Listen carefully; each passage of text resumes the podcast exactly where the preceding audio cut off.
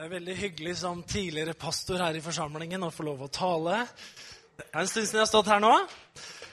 Det er fint, det. Men jeg må bare si tusen takk for sist gang. Det var, det var litt mer dreis når jeg gikk opp for å si noe, for da spilte de Eye of the Tiger. Så det var litt Kunne bare fortsatt med det. Men eh, tusen takk for sist, holdt jeg på å si, sånn her, fordi hadde, dere lagde en fantastisk avslutningsfest for meg og Katrin. Og det, det har vi hatt med oss hele sommeren. Det har vært fantastisk å ta med seg. Så tusen takk. Det har vært så fint. I dag så visste jeg at jeg, jeg tenkte jeg skulle begynne med å utbringe en jeg holdt på å si skål, men utbringe en applaus. Eh, For jeg visste at i hvert fall ei veldig flott dame i dag skulle få en applaus. Som hadde bursdag. Og så har jeg fått greie på at det er to flotte damer som har bursdag da. Det er Katrin og Inger-Lise. De må få en skikkelig sånn bursdagsapplaus i dag.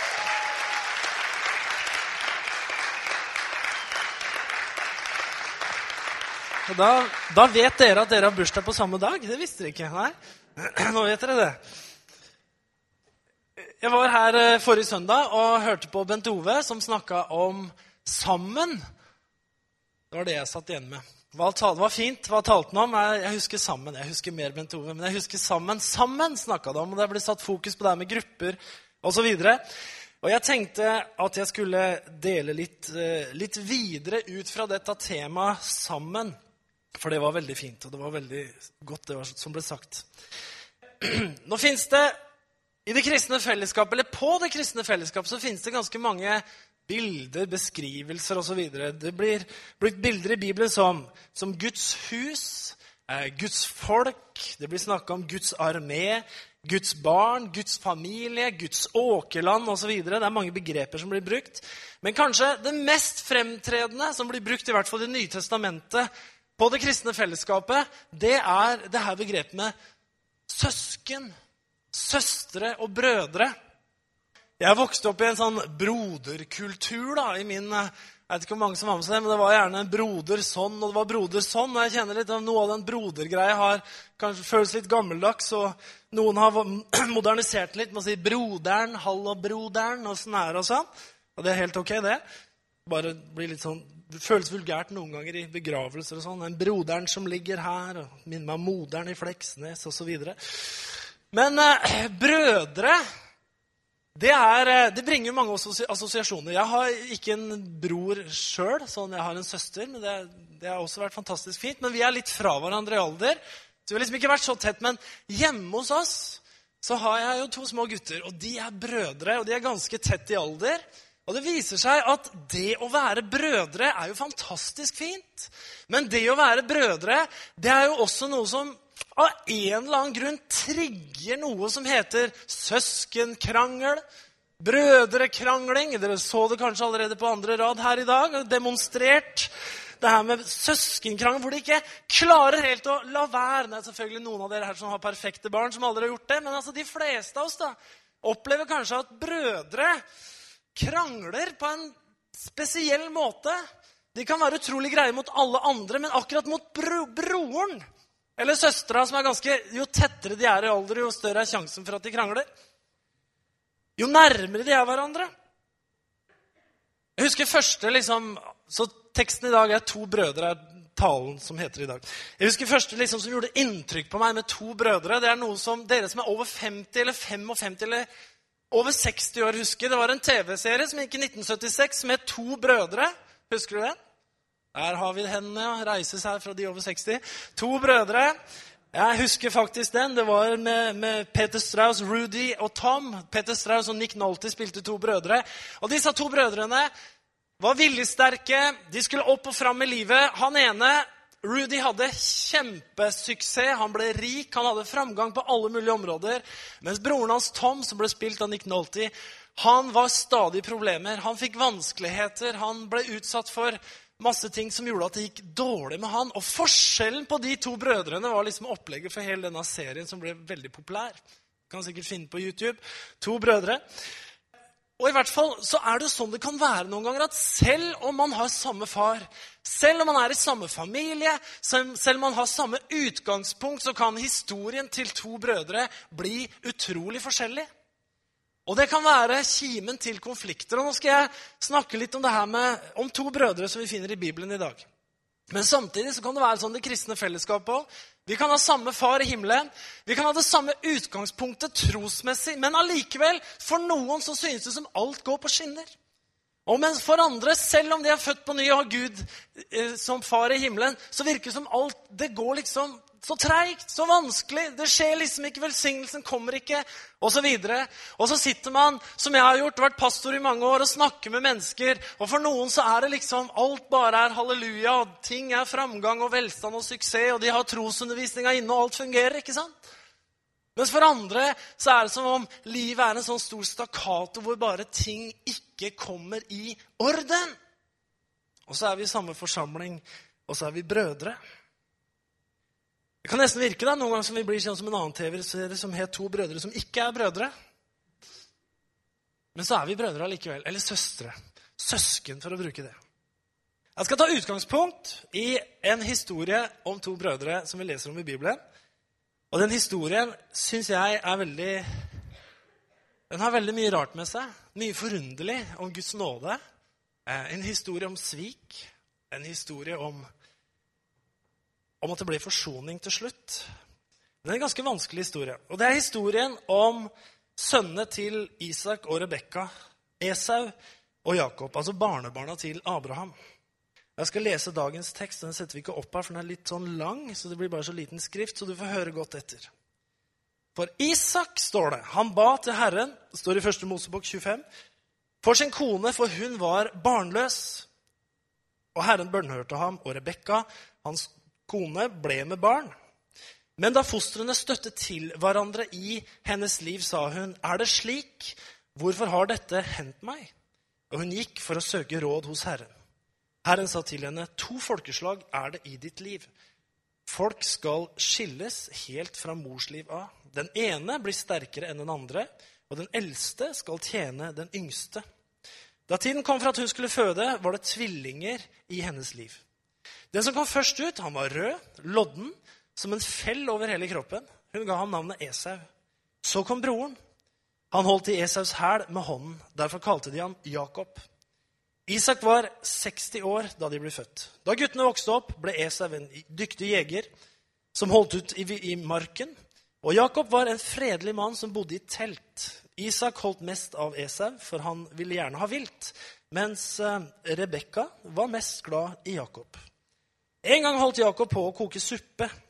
Da kom Esau hjem fra marken trett og sulten og sa til Jakob.: La meg få sette til livs noe av det røde du har der, for jeg er helt utkjørt. Derfor kalte de ham Edom, men Jakob sa, Du må først selge meg førstefødselsretten din. Esau svarte, Du ser jeg holder på å dø av sult. Hva skal jeg da med førstefødselsretten? Jakob sa, Sverg først på det. Så sverget han og solgte sin førstefødselsrett til Jakob. Og Jakob ga ham da brød og linsevelling, og han spiste og drakk. Etter måltidet reiste han seg og gikk sin vei. Så lite brydde Esau seg om førstefødselsretten. Dette er starten på historien om jeg kaster jakka. Det er ikke fordi egentlig har preka så veldig heftig, men det er fordi jeg har tatt med for mye. Rett og slett. Sånn kan også skje. Um, historien her Eh, scenarioet er på en måte satt nå. Det her skal bli en vanskelig søskenrelasjon. Her skal det bli likegyldighet, løgner, bedrageri, raseri, flukt, kvaler, angst og etter hvert ydmykhet og forsoning. Og det her kan vi bruke inn mot det kristne fellesskapet. Du kan, kanskje også du sitter her i dag som er i relasjoner eller har hatt relasjoner hvor ting har vært vanskelig. Så har jeg lyst til å vise deg litt av hva som skjer, og om Guds nåde oppi det hele etter hvert. Det rare er at allerede før de ble født, allerede mens de var inne i magen til mamma, så sier Gud at den eldste skal tjene den yngste. Og Det var faktisk imot all tradisjon, fordi at alle visste at i den kulturen her så var det sånn at den førstefødte, den eldste, han fikk alle rettighetene i familien. Han var den som hadde retten på velsignelsen, på arven etter far osv. Og, så og alle de som kom etterpå, de ble på en måte likestilt. Men førstemann han var den som skulle bli familiens overhode og sitte på hele arven og forvalte det videre i tida som kommer. Så når Gud sier at den yngste skal tjene den eldste, så er det å snu det hele på hodet. Og så kan vi tenke er det sånn at Gud hadde bestemt seg for at Esau skulle miste førstefødselsretten, og at Jakob skulle bli den som på en måte kom seirende ut av det her. Var det Gud som hadde forutbestemt det? Eller var det det at Gud visste hvilke valg de en gang kom til å ta? At han så lenger fram og sa at sånn kommer det til å bli? Jeg tror sannsynligvis, selv om begge deler fins i Bibelen, så er det, tror jeg det er størst sjanse for at Gud taler ut for at han ser hvilke valg de kommer til å ta i framtida. Når vi leser, så er egentlig historien den er, en, den er en tragedie. Og det som utspiller seg, det, det skjer jo pga. karakterbrist hos begge to. Og hos foreldrene så blir det en voldsom motsetning i brødreforholdet. Det som skjer, er at brødrene helt tydelig vokser opp i et miljø med favorisering. Det er veldig tydelig her at disse gutta er veldig forskjellige. Noen tvillinger ligner veldig mye på hverandre. Det ser vi eksempler på her i dag. Vi har sett en som spilte trommer i dag, som har en bror som er temmelig lik. i hvert fall. Så for oss som ikke kjenner dem godt, så er det vanskelig å se forskjell. Men de to brødrene her de var ikke enige helt tydelig. Han ene var rød, står det rett og slett. Det er jo, ja, Også en farge å ha med seg. Helt rød, virker det som. Han var lodden. Han hadde masse hår på kroppen også når han ble født. Så han var tidlig voksen, for å si det sånn. Han andre han får inntrykk av er veldig glatt. Og hvit, kanskje. Jeg vet ikke. Men eh, han virker veldig glatt i forhold, i hvert fall. Og de her er veldig forskjellige. Og pappaen han blir glad i eldstemann i Esau. Han favoriserer eldstemann. Han er glad i å spise vilt. Han vil ha elgstek, han vil ha liksom vilt på tallerken. Og det er det eldstemann som kommer med. Han yngstemann han henger bare inne i telta sammen med mora si og driver og lager mat av det som er hjemme på gården, av vanlige husdyr og sånn. Det syns ikke faren er noe bra. Så han liker den machosønnen sin. Mens mamma liker kjempegodt Jakob, som er hjemme sammen med henne på kjøkkenet og har det koselig der. Og Dette er det forhold som er veldig sånn polarisert, veldig forskjellig, de brødrene her. Og sånn er det jo. Brødre kan være utrolig forskjellige, og kristne kan være utrolig forskjellige. Og Jeg liksom hører litt for meg de her samtalene som kanskje de hadde Ikke disse store baktalelsessamtalene, men disse samtalene vi noen ganger får når vi begynner å favorisere noen. Jeg hører liksom pappa Isak snakke med Esa, og ja, det er deilig altså, at du kommer til meg med kjøtt, og at vi spiser skikkelig mat. Ikke sant? Ikke de greiene de holder på med.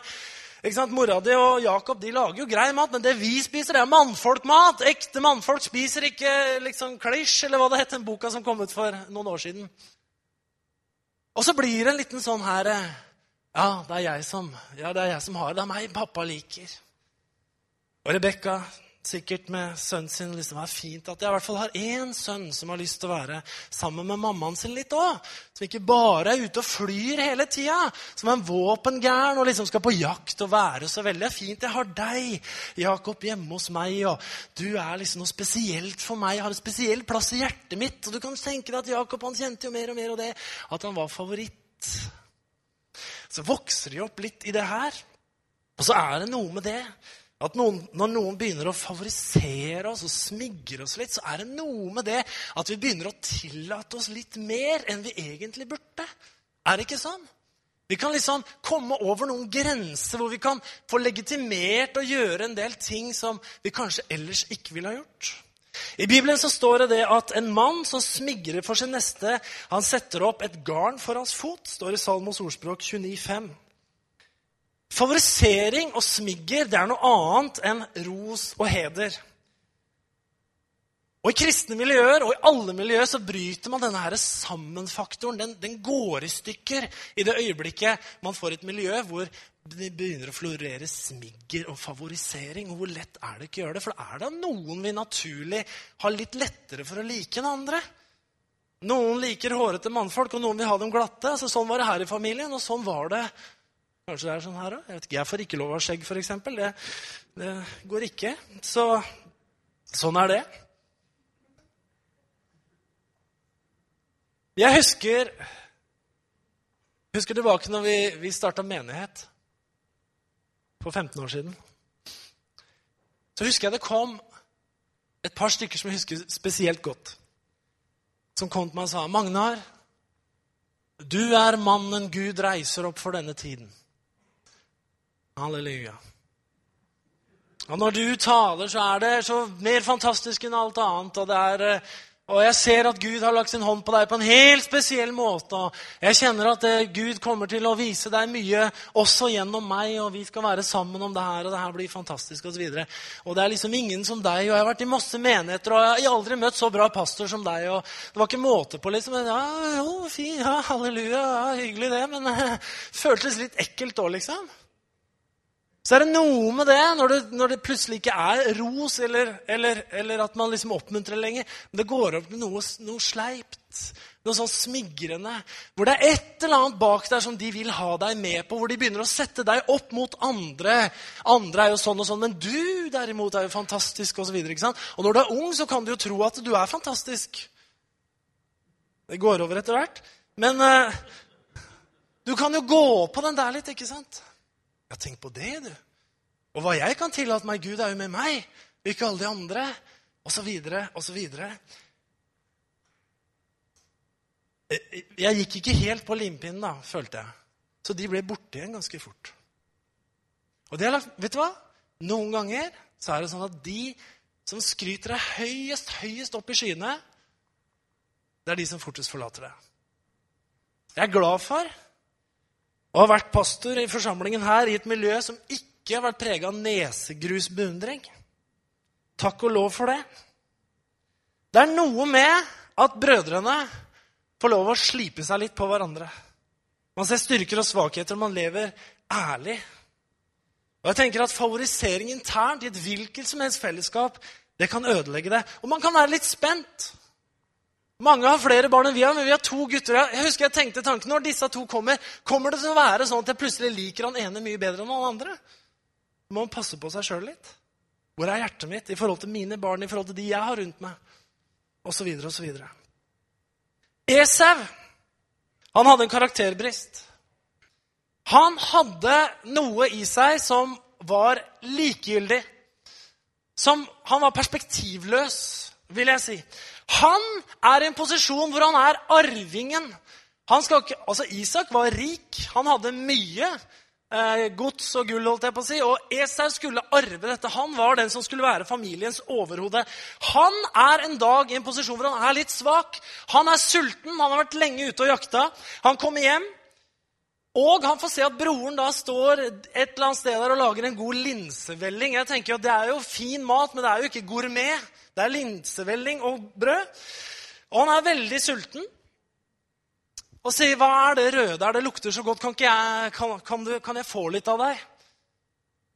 Og så kommer Jakob, som har mage til da, i den situasjonen her, og får komme et forslag. Jeg foreslår at for at jeg skal gi deg litt linsevelling, så skal du gi meg førstefødselsretten din, altså odelsretten, hele godset, hele framtida osv.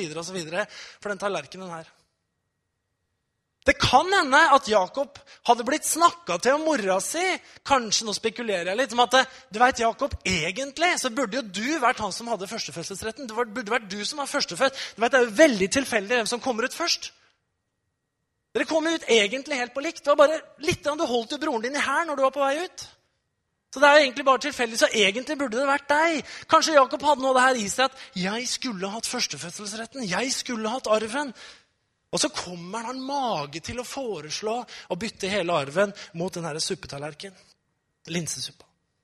Og Esau har likegyldighet i livet sitt. Han bryr seg tydeligvis ikke om hva han kan få. Han er tydeligvis liksom nonchalant de luxe og sier at det, det er greit. Hva betyr, vel, hva betyr vel førstefødselsretten? Jeg er sulten. Ja, da må du sverge, sier Jakob. Sverg på at du avsier deg førstefødselsretten.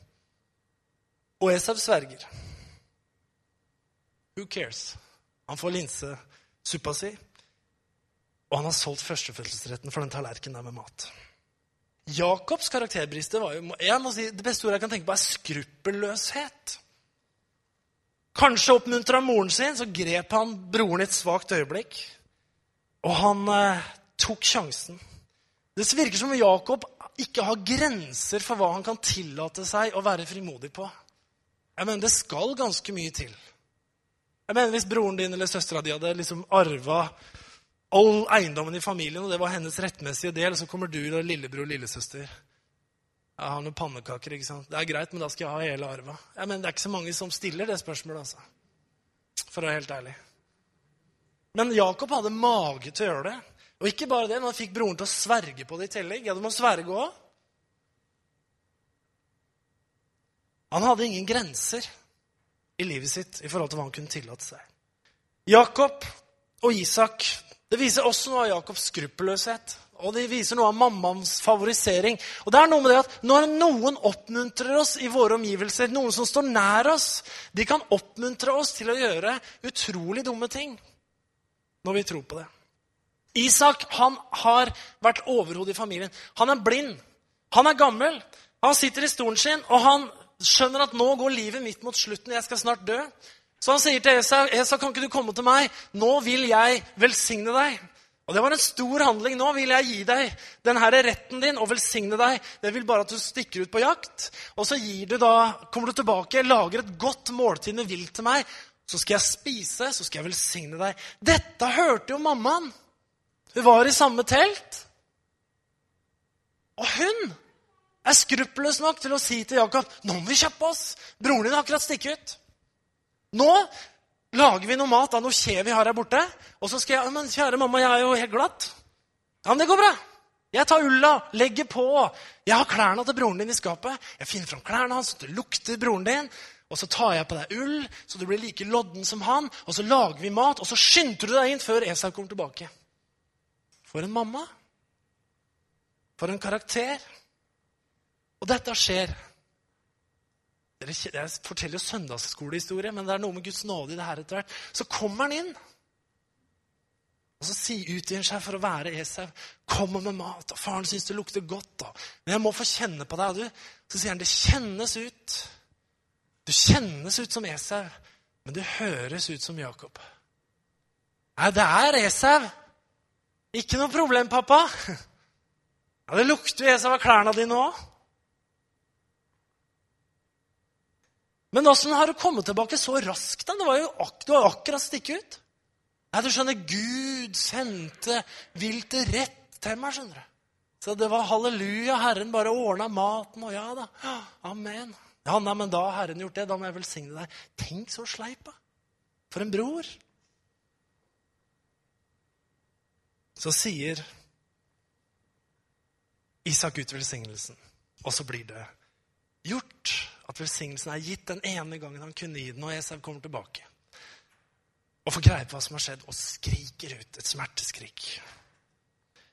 Og Da kommer Isak med et løfte over Esau og sier til ham.: Se, langt borte fra fruktbar jord skal du bo. Der ingen dugg faller fra himmelen. Av sverd skal du leve. Din bror skal du tjene.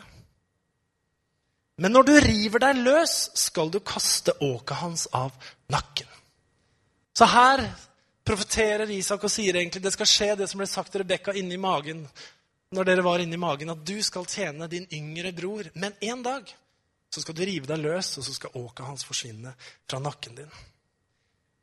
Dette er starten på flukt, lureri og flukt igjen. Jakob lurer til seg førstefødselsretten. Han fikk Abrahams velsignelse, altså bestefarens velsignelse, som Gud hadde gitt ham. Gud hadde sagt til Abraham, tell, se om du kan stelle, telle stjernene på himmelen. Så stor skal din slekt bli som alle stjernene på himmelen, om du kan telle dem.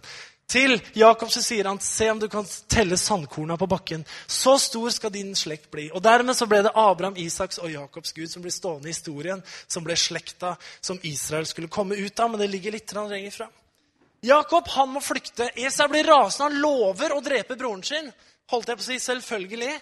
Dette brødreforhold det er rivd i fillebiter. Familien er rivd i fillebiter. Isak dør, og mammaen sitter igjen med vissheten om at hun har egentlig ødelagt alt sammen. Jakob rømmer ned til onkelen sin, broren til mora, en som heter Laban. Han var litt sånn, Jeg vet ikke hvorfor de har kalt de seigmennene for Laban. altså en eller annen grunn. Så er det noe bibelsk med at han var seig, eller jeg vet ikke eh, fargerik person. Men i hvert fall, han reiser ned til Laban, og så fortsetter lureriet. Han blir dødforelska. Jeg som heter Rakel, som er kjempepen. Altså, Jeg jobber sju år for henne. Det står at det føltes som to dager i sju år. Han jobba for henne. Laban lurer han! En sleip onkel også. Det lå i slekta der. Så det på bryllupsnatta Jeg vet ikke om de brukte slør og ikke hadde elektrisk lys heller. I hvert fall så sender han inn Lea. Tenk hva han tenkte da. Ja, ja, ja, nå tror han han får Rakel, gitt. Men nå, Lea, gå inn der. Ikke skru på lyset. Jakob er kjempefornøyd, våkner neste morgen har en dame ved siden av som han ikke trodde han hadde gifta seg med. Da ble han jo litt gretten. Han, han hadde lurt noen, og han hadde selv blitt lurt. Så han sa jeg får ta sju nye år. Han jobber sju år til for å få Rakel. Han får Rakel. Nå har han to koner, som er to søstre. Det er også interessant åssen det kan fungere. Hun ene får barn, Lea får barn så det bare holder. Og Rakel får ikke barn. Lea driver da, na, na, na, Jeg får barn, og ikke du barn. ikke sant? Gud har velsigna meg, han har ikke velsigna deg. Men det er Rakel som er hos Jakob på natta. En dag så har eh, en av sønnene til Lea hun har vært ute Bare hør på liksom hvordan det fungerte i familien her. Det er altså en, en, en, sønn av Lea som heter Ruben, da, sønn av Lea og Jakob, som har vært ute så har funnet noe som heter alruner. Det er en sånn liten plante som de brukte til, som bedøvelsesmiddel.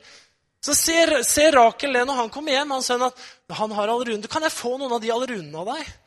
Da sier, sier Lea at eh, du, du får ingen av de, men du kan få de på én betingelse. For du har nemlig stjålet mannen min fra meg. Jeg får jo aldri være sammen på natta. Så hvis, eh, hvis du skal få alle runene, så skal jeg ha han i natt. Dette står i Bibelen, altså. Første Mosebok 30. En dag under hvethøsten gikk Ruben ut på marken. Der fant han alle runer. Han tok den hjem til moren Lea. Da sa Rakel til Lea, har du, har du tatt, uh, gi meg noen av alle runene som sønnen din har funnet. Lea svarte, er det ikke nok at du har tatt mannen min? Vil du ta alle runene til sønnen min også? Da sa Rakel, får jeg alle runene, kan Jakob ligge med deg i natt. Da Jakob kom hjem fra marken om kvelden, gikk Lea imot ham og sa, 'Det er meg du skal komme til. Jeg har kjøpt deg for de allrune som sønnen min fant.' Så denne natten lå han med henne. Altså, Det er jo interessant forhold de hadde. altså. I, I, natt har jeg kjøpt deg. altså. Du har bare kommet inn i det andre teltet i natt. Interessante familieforhold. Jakob er hos Laban. Litt turbulent tid.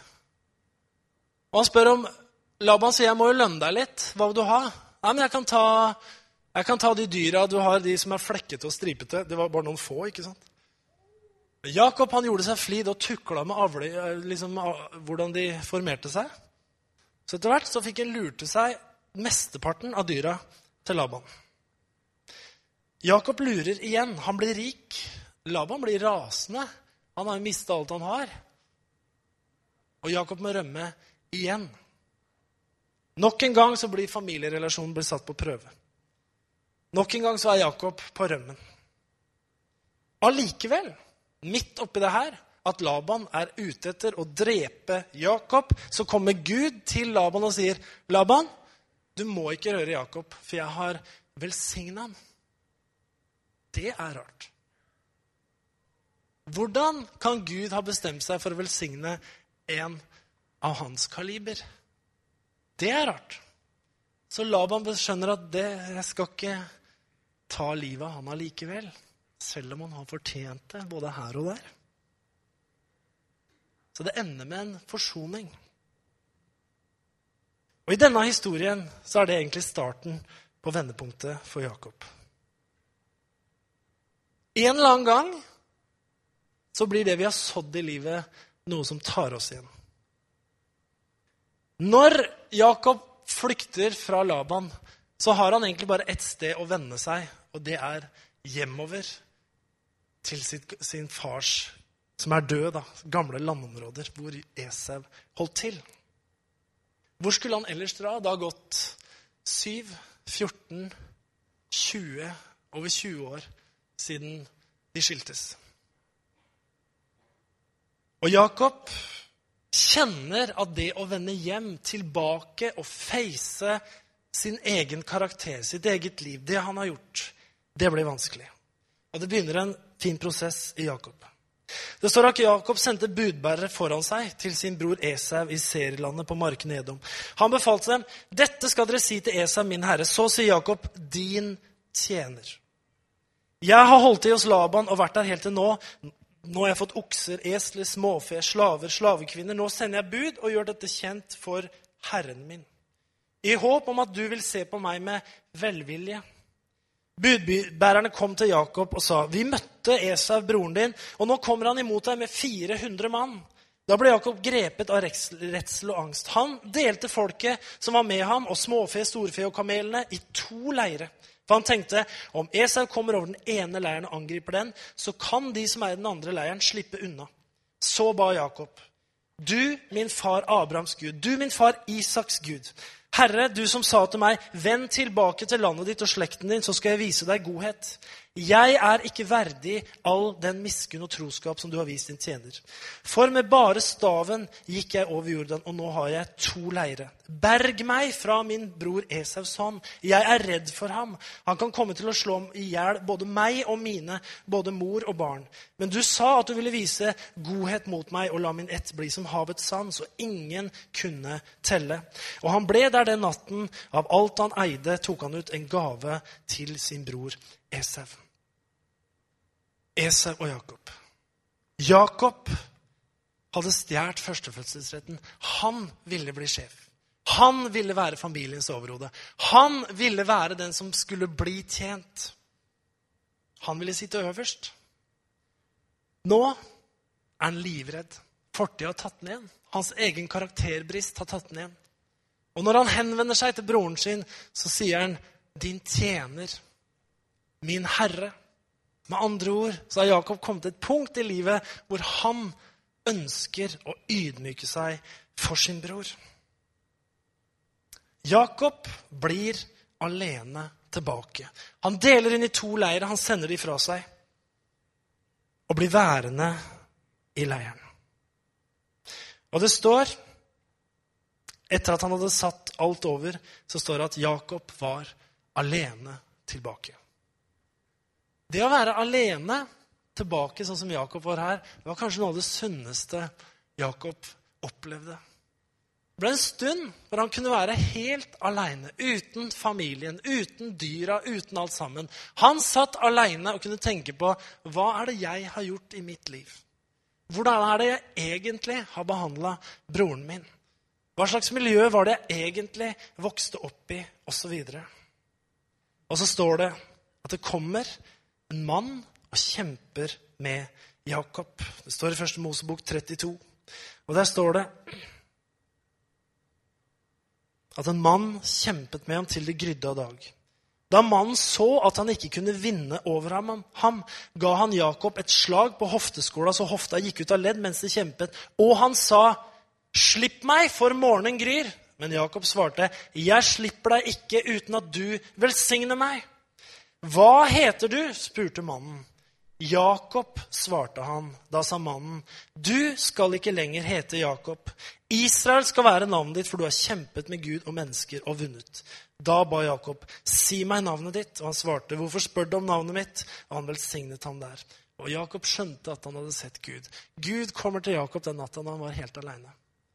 Og Jakob skjønner at nå trenger jeg Guds velsignelse. Jeg trenger at Gud gjør noe i livet mitt. Og Herren ville ikke velsigne Jakob. Men Jakob slapp den ikke. Altså, jeg må ha din velsignelse. Så kommer dette spørsmålet som endrer alt i Jakobs liv. Hvem er du? Hvem er du? Og Da svarer han Jakob. Og navnet Jakob, det betyr sleiping. Det betyr lurendreier. Det betyr en bedrager. Og det var det Jakob trengte å se i sitt eget liv. Han trengte å se hvem han hadde vært. Han trengte å se at han hadde vært Jakob. Luringen, sleipingen, bedrageren. Og da sier Gud, 'Nå har du sett hvem du er.' Nå skal du ikke lenger hete Jakob. Du skal få et nytt navn. Du skal hete Israel. For du har kjempa med Gud. Du har vunnet. Amen. Dette her gjør at Jakob blir et forbilde på Jesus. Det står om Jesus at han avkledde seg sin herlighet og sin maktposisjon, som han rettmessig hadde. Men han avkledde den, og så tok han på seg en tjeners skikkelse. Så bøyde han seg ned. Jakob gjør akkurat det samme. Dagen etter så går han i møte med broren sin, og Jakob kler av seg alle privilegier. Han kommer som en tjener til den bror som egentlig skulle tjene ham. Han bøyer seg ned. Han gjør som Jesus. Han kler av seg alt sammen og sier, 'Jeg er villig til å gi deg alt sammen. Jeg er din tjener', sier han til Esau. Jakob kommer, han får øye på Esau, som kommer 400 mann. Han kommer bort til broren sin, så står det Men Esau sprang imot ham, omfavnet ham, kastet seg om halsen på ham og kysset ham, og de gråt. Esau så opp og fikk øye på kvinnen og barna og sa ham, 'Hvem er det du har med deg?' Jakob svarte, 'Det er de barna som Gud sin nåde har gitt din tjener.' Hva vil du ha? spør Jakob. Esau sier, 'Vet du hva? Jeg har rikelig. Behold det som er ditt.' Nei, kjære deg, svarte Jakob. Ser du på meg med sånn velvillig, så ta imot gaven min. For da jeg så ditt ansikt, så var det som jeg så Guds eget ansikt. Så vennlig var du mot meg. Ta nå imot gaven jeg lot sende deg, for Gud har vært nådig mot meg, og jeg har alt jeg trenger. Og Jakob ba ham så inntrengende at han tok imot gaven. Da sa Esau, la oss bryte opp og dra videre. Så skal jeg dra like foran deg. En fantastisk forsoning mellom to brødre. Den ene hadde vært naiv, likegyldig. Han hadde vært uten perspektiver på det han hadde. Den andre hadde vært sleip. Han hadde vært skruppelløs i sin tilnærming. Han ene hadde hata broren sin så mye at han ville drepe den. Og broren som måtte flykte. Og så var dette brødreskapet og brutt i stykker, ødelagt i så mange år. Inntil Jakob kommer til seg selv. Og så står det også noe om det at Gud hadde, tross alle ting så hadde Gud velsigna Esau. Så det skulle komme en dag da åket til broren din blir brutt av nakken din når du river deg løs. Et eller annet sted i historien her har Esau brutt seg løs, og åket etter Jakob hadde, hadde sluppet taket om nakken hans. Det som er den forunderlige med situasjonen her, er jo at i dette her som Jakob gjorde, og som kan være noe å lære for oss I det her som Jakob gjorde, som var så urettferdig og så stygt, så velsigner Guden. Det er det som er så rart. Og Det kanskje har med at Gud ser lenger enn oss noen ganger. Det kanskje har å gjøre med at Gud så at en dag så kommer Jakob til å skjønne at han er Jakob. En dag så kommer Jakob til å forstå hvem han faktisk er, og den karakteren han har båret med seg i så mange år. Og det kommer til å bli bruttestykker stykker i livet hans. Og så kan jeg virkelig velsigne han, for det ble det jo.